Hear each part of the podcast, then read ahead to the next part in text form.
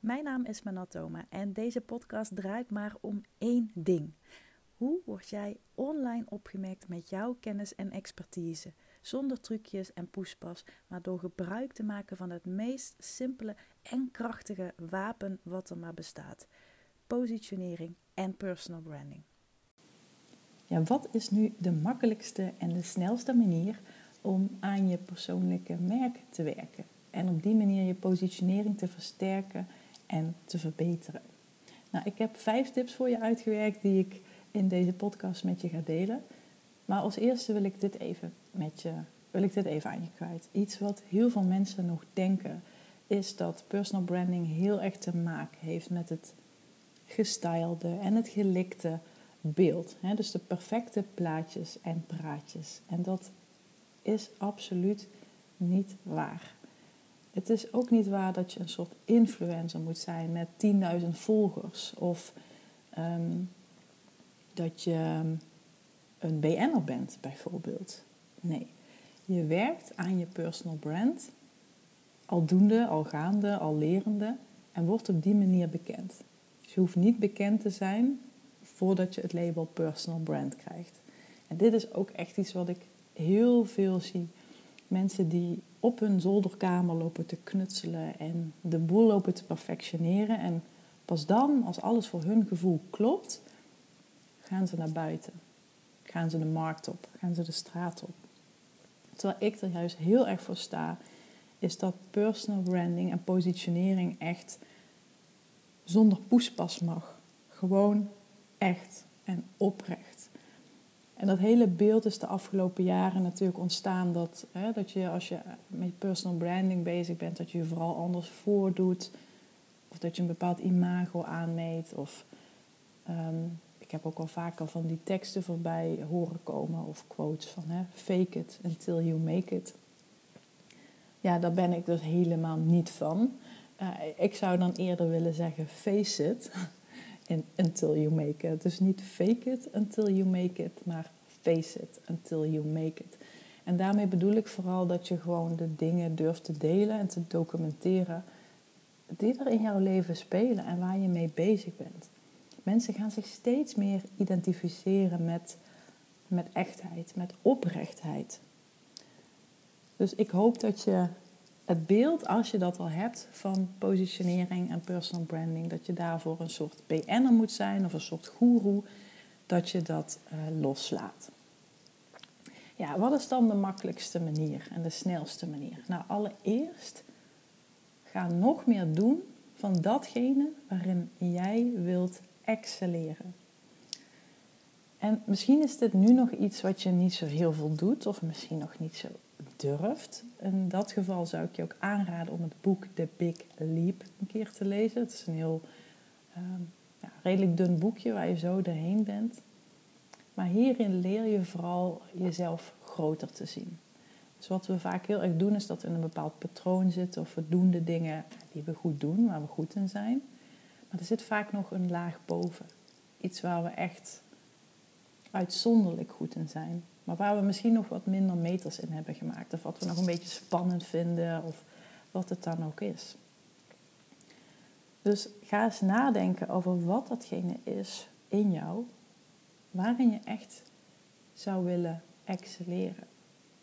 En iets wat ik ook wel vaker zeg is om te excelleren zul je vooral moeten elimineren. Dat wil niet zeggen dat je per se maar op één ding hoeft te focussen, maar je maakt wel een keuze. Want als je tien dingen leuk vindt en je wilt in al die tien dingen heel erg goed worden, of zelfs uitzonderlijk goed. Ik zeg niet dat het niet kan, hè? want er zijn natuurlijk altijd ondernemers die nou, een soort supertalenten blijken. Maar het is niet bepaald de makkelijkste manier. Dus de makkelijkste manier is om na te denken: wat zou je het allerliefste doen over een jaar, over vijf jaar? En welke eerste stap zou je dan nu kunnen zetten om daar naartoe te werken? En dat betekent misschien dat je bepaalde dingen moet gaan schrappen en loslaten. Ctrl-Alt-Delete. dingen waar je niet echt die hoge energie van krijgt. En waar jouw klant wellicht ook niet die hele hoge energie van krijgt. En iets wat heel goed werkt is bijvoorbeeld, en het klinkt heel kinderachtig, maar ga eens een lijstje bijhouden gedurende een week of twee of een dag, wat het dan ook maar is. En check meerdere momenten van die dag in. En omschrijf dan gewoon eens wat je doet. En wees daarin ook heel specifiek. Dus als je zegt, nou, ik heb een vergadering bijgewoond uh, en dat vond ik leuk, dan is dat niet specifiek. Dus omschrijf die rol en die functie eens wat je had in die vergadering. Want binnen een vergadering kunnen tien verschillende identiteiten zitten. Uh, er kunnen tien verschillende functies en rollen zitten.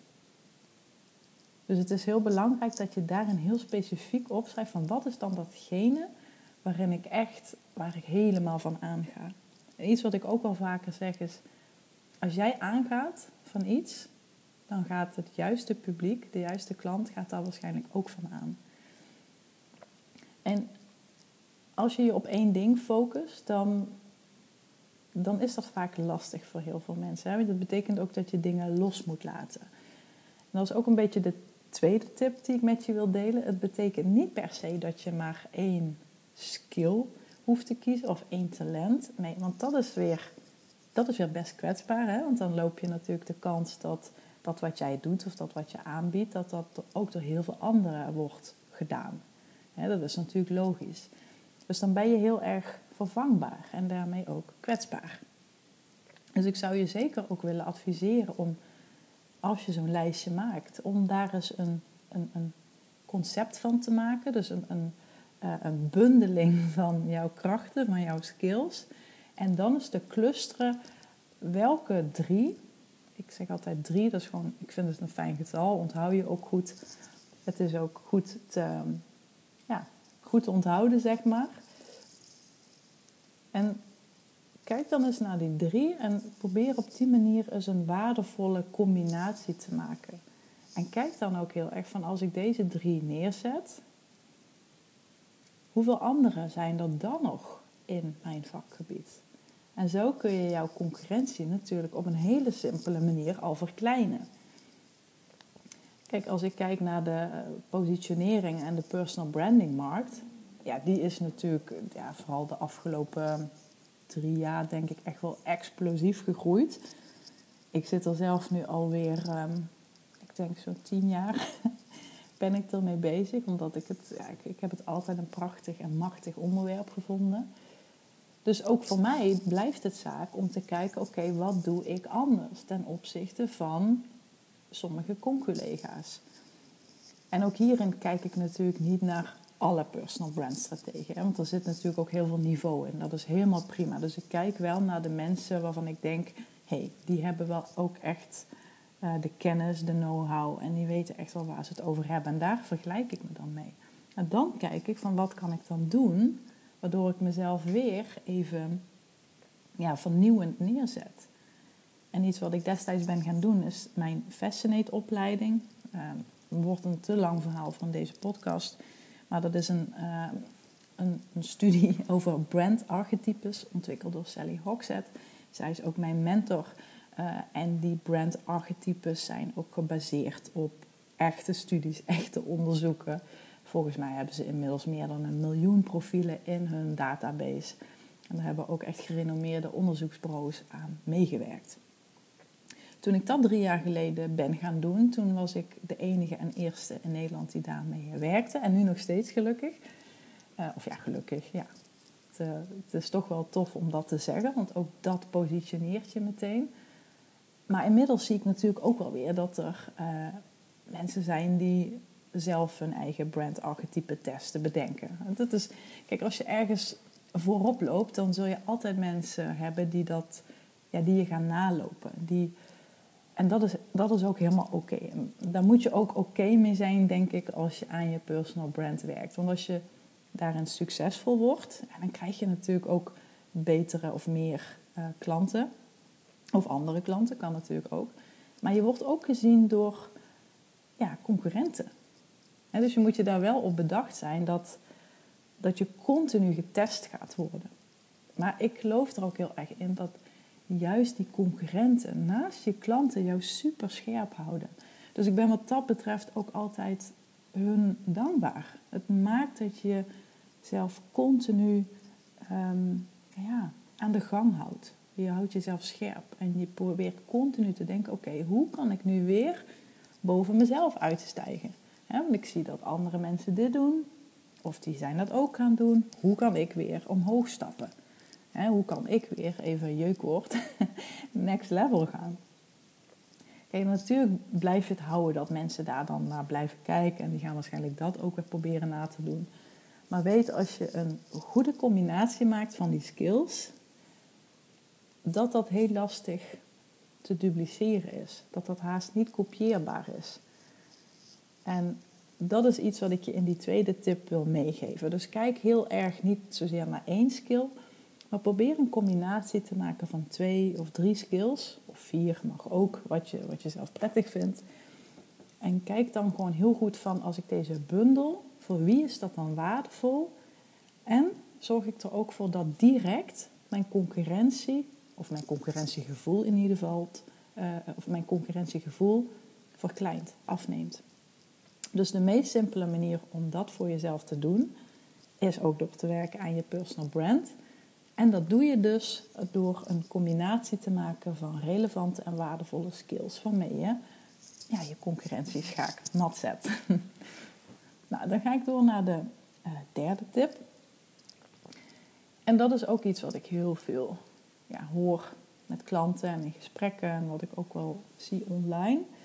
Um, is dat mensen denken dat ze echt een, een perfect plaatje moeten delen. Het moet er helemaal gestyled en gelikt uitzien. En pas als, pas als ik dat heb, dan mag ik content gaan maken. En dat is fout. ik geloof er heel erg in dat als je kan praten en je kan schrijven, dan kun je je boodschap verkondigen. Je hebt echt helemaal niks nodig. Je hebt, je pen en papier nodig. Je hebt ehm, of, of, je, het nu via Instagram doet of via Facebookgroepen of op LinkedIn. Het maakt niet uit, maar je kunt nu op dit moment gaan documenteren, zoals Gary Vaynerchuk dat altijd zo mooi zegt. Die heb ik altijd onthouden. Hij zegt altijd van ga documenteren en niet creëren. Want als je het gaat creëren, content gaat creëren, dan ligt er heel erg veel lading op. Hè? Het moet perfect zijn, het moet goed zijn, het moet mooi zijn. En als je het meer ziet als documenteren, dus als een soort verslaglegging van jouw dag waar je mee bezig bent. Niet alleen komt dat vaak veel echter en oprechter over en voelen mensen veel meer connectie met je. Je haalt ook de druk ervan af om het mooi te maken, om het perfect te maken.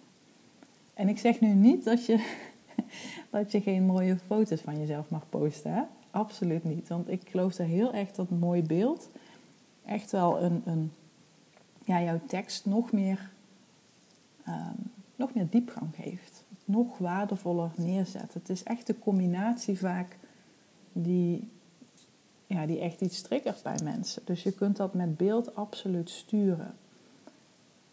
Maar weet alleen dat het niet nodig is. Niet direct. Ik zal je ook even een voorbeeld geven.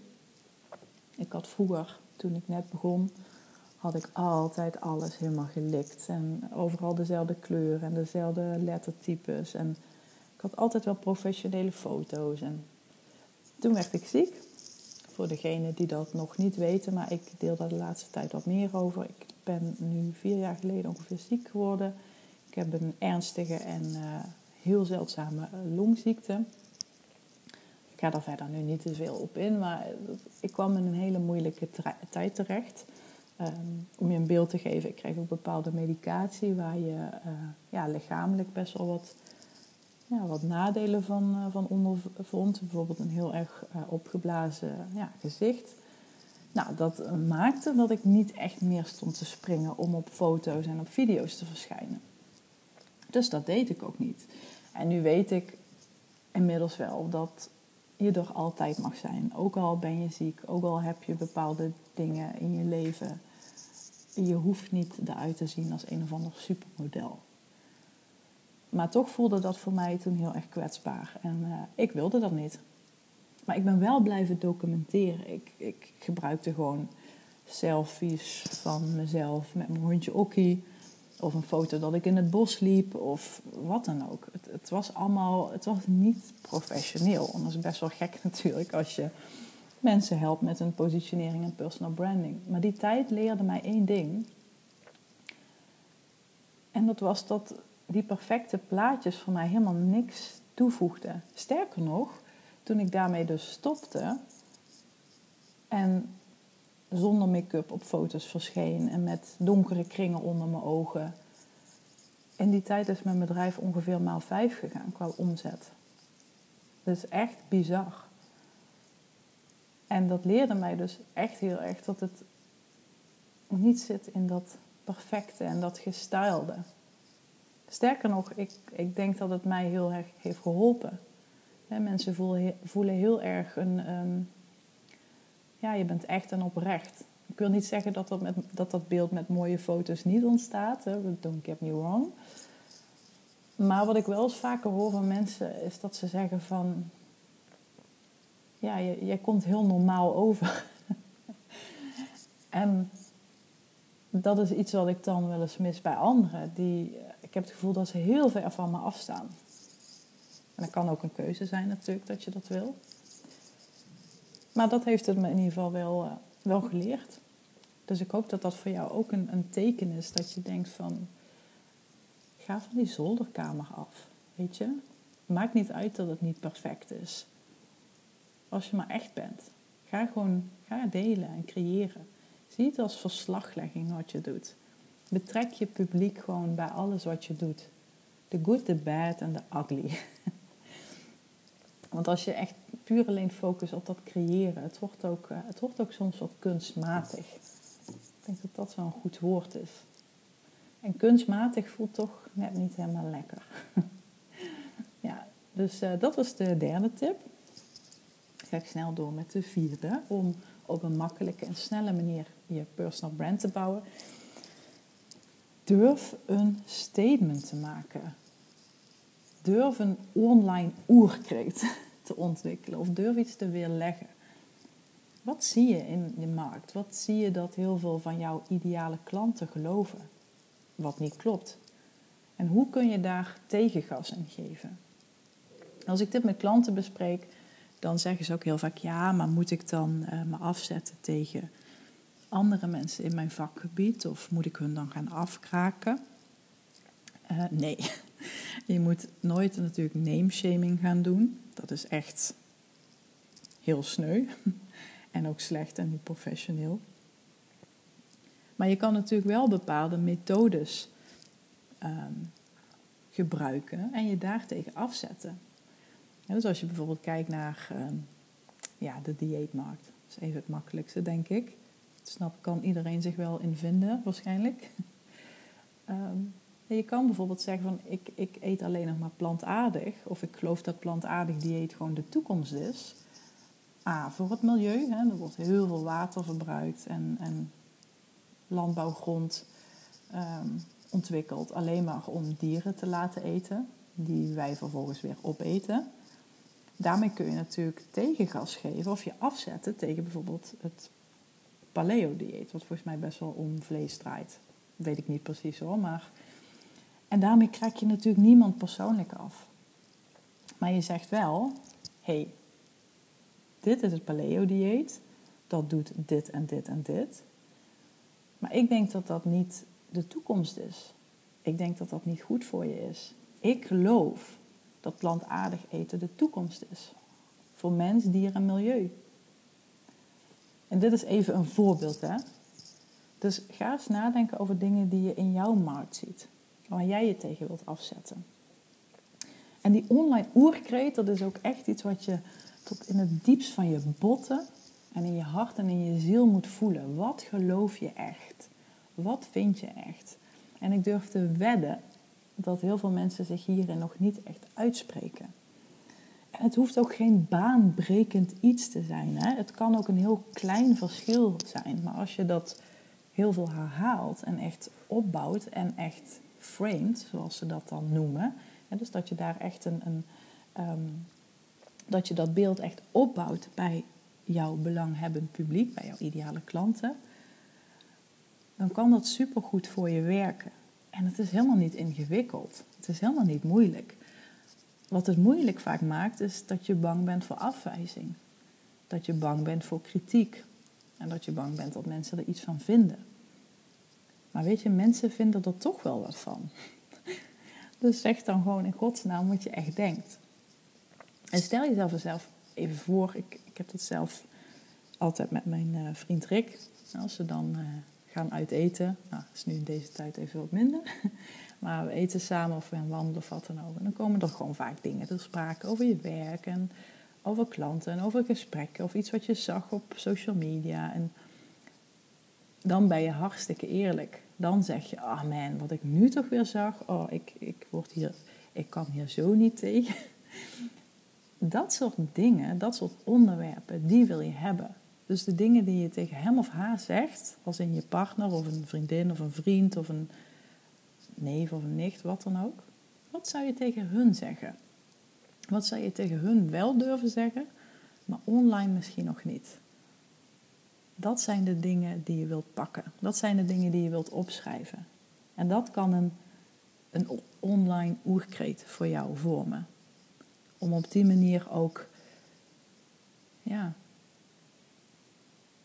de digitale, de digitale wereld een beetje op te schudden. Want het klinkt natuurlijk allemaal vaak redelijk bescheiden online. Hè? Het, is, het, is, het is vaak, je ziet overal een beetje dezelfde soort tips. En er is ook niks mis mee met tips natuurlijk delen. Maar vaak kan het wel helpen dat je daar een bepaald statement aan koppelt waarom jij dat vindt. En dat is natuurlijk jouw visie.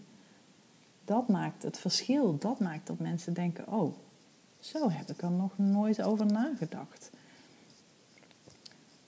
En iets wat ik hieraan wel even wil toevoegen is dat heel veel mensen dit dan ook koppelen aan likes en aan reacties. En ik heb dat zelf soms ook. dan heb je een post geschreven, heb je je best op gedaan, krijg je heel weinig likes op of reacties. Ik heb soms ook posts die heel veel reacties opleverden, maar verder ook helemaal niks. En dan kan het met die eerste post zo zijn dat ik wel een DM krijg of een uh, e-mail of een belletje. En dat ik met iemand in gesprek ga en die zegt van nou, jouw post, dat, ik, heb dat, ik heb dat al vaker gehad, dat er dan werd gezegd van nou, ik, ik weet niet wat ik las, maar ik voelde gewoon dat ik met jou een gesprek moest. En je triggerde echt iets en het zette mij zo aan het denken, het liet mij niet meer los. Ja, en zo iemand wordt dan klant. Terwijl ik er amper likes op heb gehad. Terwijl die persoon misschien ik had er vaak nog nooit eens van gehoord. Nooit reageerde op mijn post. Dus hang jouw statement of waar jij voor staat ook niet per se op aan de likes die daaraan gekoppeld worden. Likes spekken je ego, niet je bankrekening. Het klinkt een beetje hard en het klinkt misschien een beetje koud, maar zo is het natuurlijk wel. Ik spreek klanten die niet eens Instagram hebben. En die echt een omzet hebben waar ik zelfs u tegen zeg. Waar ik van denk van holy shit. ik spreek aan de andere kant ook influencers die echt heel veel volgers hebben. Waarvan ik ook weer denk, holy shit. Maar die qua omzet ehm, ja, ehm, niet, niet heel, heel sterk staan, om het zo maar te zeggen. Snap je? Dus dat wat je online ziet of hoort of leest, dat zegt vaak helemaal niks. Iets wat online zo lijkt, dat betekent niet eens dat het in het echt ook echt daadwerkelijk zo is. Wat je online ziet, is het beeld wat mensen willen dat jij van hen ziet. Dat is echt heel erg belangrijk om te onthouden. En dat brengt me eigenlijk ook meteen bij de vijfde tip. Kijken en vergelijken. dat is natuurlijk iets wat ja, wat we allemaal doen. Ik kijk ook op Instagram, ik kijk ook op LinkedIn. Ik zie daarin ook dingen waarvan ik dan soms kan balen of denk: oh shit, ik ben zelf niet goed bezig. Daarom is het ook zo belangrijk om zelf te gaan documenteren en zelf te gaan delen en niet te veel te gaan consumeren. Het is natuurlijk prima dat je door een aantal mensen laat inspireren, maar besef ook dat, dat je ook heel erg kan lam leggen. En dat als jij je inschrijft voor ik weet niet hoeveel webinars en challenges, dat dat hartstikke leuk is. Maar wat, wat slinger je nu zelf die wereld in? dat helpt je vaak niet. Wat ik ook heel erg doe is, ik heb gewoon de regel dat ik Instagram Stories bijvoorbeeld, ik kijk eigenlijk alleen maar van klanten of van mensen waarvan ik denk van hé, hey, die zouden misschien wel interessant kunnen worden als klant. En dan kun je op die manier een band gaan opbouwen met ze, een keer reageren of een keer een wat dan ook. Reageren op een sticker of een berichtje sturen of wat dan ook. Dus dat is een beetje de regel die ik heb. Want als ik alles en iedereen ga volgen, als ik al die digitale tijdlijnen wil gaan volgen, dan heeft dat gewoon een indirect, nee, een direct effect op mijn eigen fysieke tijdlijn. Ik heb dat wel eens uitgerekend, doen met klanten soms ook. Ehm, ja, als jij iedere dag twee uur op Instagram zit. En ik durf te wedden dat dat voor heel veel mensen nog niks is. Dat sommigen misschien wel vier uur per dag erop zitten. Tel dat eens uit hoeveel uur dat is in een week. En hoeveel uur dat is in een maand en in een jaar. Dan kun je van op vakantie gaan een paar weken. En als je dan die vergelijking maakt, dan kun je ook jezelf de vraag stellen: het aantal weken per jaar, wat had ik in die weken kunnen opbouwen? Wat had ik kunnen creëren? Wat had ik kunnen maken? Wat had ik, wat had ik kunnen doen? Dus er is natuurlijk niks mis mee met je laten inspireren op, de socials. helemaal prima. Maar wees daarin ook gewoon selectief en kritisch. Stel regels voor jezelf op. En, en dat kan met tijd te maken hebben, maar dat kan ook zijn met het aantal mensen of het type mensen wat je volgt. Iets wat ik ook heel veel, wat ik ook mezelf voorhoud, dat is dat ik ofwel mensen volg uh, of, of podcasts van ze beluisteren of filmpjes van ze kijken of wat het dan ook maar is, die mij inspireren, die mij iets leren. Ofwel dat ze me laten lachen. En als dat niet het geval is, dan volg ik ze ook niet. Ja, het, klinkt misschien heel simpel, maar voor mij werkt het. Dus het gaat er ook echt om wat voor jou werkt. En dan denk je misschien, ja, oké, maar wat heeft dit nu dan met het bouwen op een makkelijke manier aan mijn persoonlijke merk te maken? Eigenlijk wat ik net zei. Er gaat heel veel kostbare tijd verloren dat jij aan het consumeren bent. En in die tijd dat je verliest, had je ook kunnen produceren. Had je een e-mail kunnen sturen. Had je een podcast kunnen opnemen. Wat het dan ook is, volgens dat delen en documenteren principe. Want het hoeft niet perfect te zijn, maar je moet, je moet er gewoon zijn. Je moet er gewoon gaan staan. Je moet gaan delen. Je moet gaan documenteren. Je moet gaan vertellen. Betrek mensen bij wat je doet. Net zoals ik nu doe. Dit is ook verre van perfect. Ik neem deze podcast gewoon op met, met mijn telefoon en met een dopje. Of met, uh, hoe heet het, oor, oordopjes. Ik heb een tijdje geleden ook gedacht van, oh, ik wil die podcast helemaal uit handen geven. En ik zat toen ook qua gezondheid weer even, nou, dat ging helemaal niet goed. En ik voelde zo die druk op mezelf dat ik dacht ik moet ook een perfecte podcast hebben en met een tune en, en het, hele flikkerse bende. En ik dacht, nee, weet je, ik laat het gewoon even los. Ik zie wel wat er gebeurt en ik ga, ik ga gewoon opnemen. En ja, mijn stem wordt soms schor omdat ik last heb van mijn longen of ik hoest een keer of in het ergste geval hap ik een keer naar adem, omdat de, de, luchtkwaliteit die dag toevallig niet goed is, of wat het dan ook is. Maar ja, zo so be it. Dit ben ik gewoon. En ik kan natuurlijk straks, als het loopt en het gaat goed, dan kan ik natuurlijk denken van, weet je, ik ga het alsnog uitbesteden. Maar ik ben al heel erg voorstander van, ga het gewoon eerst eens uitproberen. Ga gewoon eerst eens ontdekken. Misschien denk ik over drie maanden wel, ach, ik vind helemaal niks. Ik vind het saai. Ik doe liever schrijven of ik doe liever filmpjes, wat dan ook. En, en, en dat is ook wat heel veel mensen denken. Hè? Vanaf die zolderkamer, het moet eerst perfect zijn en pas dan. nee, ga, ga gewoon doen en ga het dan perfect maken. Dan krijg je ook input van mensen. Uh, mensen reageren, dat kun je allemaal wel meenemen. Nou, dit is eigenlijk alles wat ik uh, voor nu met je wilde delen. De vijf tips over wat de makkelijkste manier is om aan je persoonlijke merk te bouwen. Ik, uh, ik hoop dat je het waardevol vond. Uiteraard vind ik het super leuk als je mij een berichtje stuurt. Dat kun je doen via uh, Instagram of via LinkedIn. Ik zit ook op Facebook, maar daar ben ik wat minder actief op. Uh, LinkedIn en Instagram zijn eigenlijk de beste manieren. En als je op mijn website wil kijken, kun je dat natuurlijk ook doen. Manontoma.nl. Daar vind je ook blogartikelen en, en informatie natuurlijk als je interesse hebt om aan je persoonlijke merk te werken. En dan uh, wens ik je gewoon voor nu een fijne dag en uh, tot de volgende keer. Dankjewel voor het luisteren naar deze podcast. Mocht je nu inzichten hebben opgedaan of mocht je een idee hebben voor een volgende aflevering, stuur me dan gerust een berichtje op Instagram, @manontoma, of benader mij in de Facebookgroep. Dat is de besloten membership Business, Branding en Beyond. En meer informatie hierover vind je op mijn website manontoma.nl.